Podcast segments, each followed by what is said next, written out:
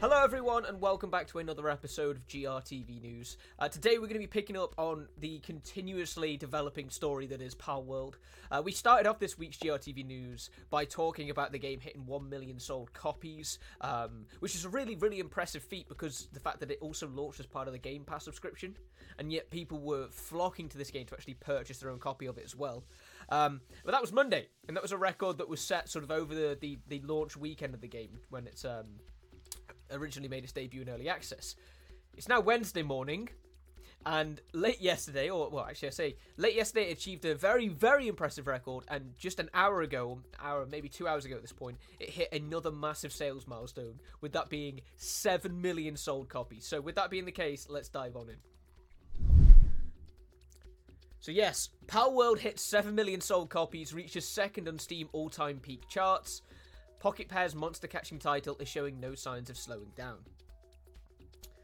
For a long, long time, it seemed as though PUBG Battlegrounds and Counter Strike's all time player peak records on Steam would be untouchable, with hit titles such as Lost Ark, Cyberpunk 2077, Elden Ring, New World, Hogwarts Legacy, Baldur's Gate 3, and so on, failing to get within 500,000 players of Valve Shooter and 1.7 players, million players near to the Mega Battle Royale. The record seemed very safe. That isn't the case any longer.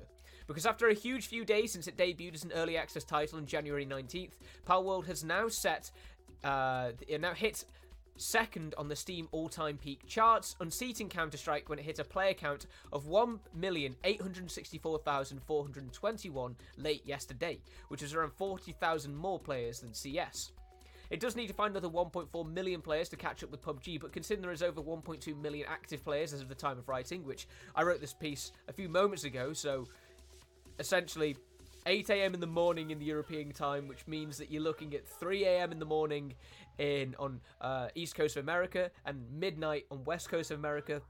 Obviously, it's a more favourable time uh, as you continue heading east and you head to the Asian market. But the point is, a huge proportion of players around the world and in the Americas and in Europe are probably not going to be playing Power World at this time of day, and it's got 1.2 million active players at the moment. And on top of that, the fact that the game has reached 7 million sold copies since its arrival, there could be a chance that Palworld manages to achieve what seemed to be the impossible.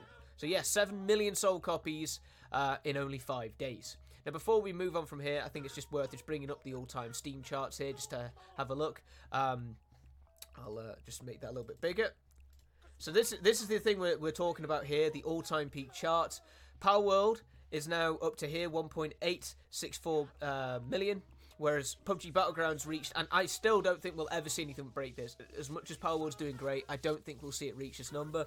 Uh, but yes, PUBG hit 3.25 million. Um, I think back towards its release, it was like 2017, something like that. So it's a long-standing record.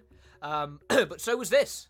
So was the Counter Strike record. You know, so, you know the Counter Strike record wasn't something that was. Um, that was set recently, I don't believe. We can just flick over to it. Uh, it was set nine months ago, so around the time that Counter Strike 2 made its debut, uh, and it never really continued to grow any further. So, um, but again, that was a record that it seemed again like Counter Strike unseated itself to get that record. So it really did seem like these two games, these two Valve, well, not Valve, uh, Counter Strike was developed by Valve, PUBG is by Krafton.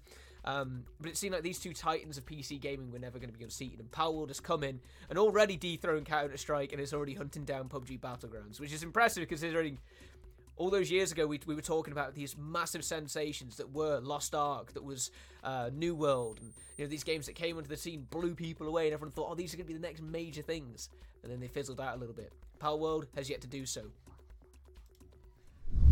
Now, I will say, I think we'll be staring down a drop in Palworld figures relatively soon. It's not going to keep growing, right? It, it, eventually, it's going to hit a point where the player count starts to dip.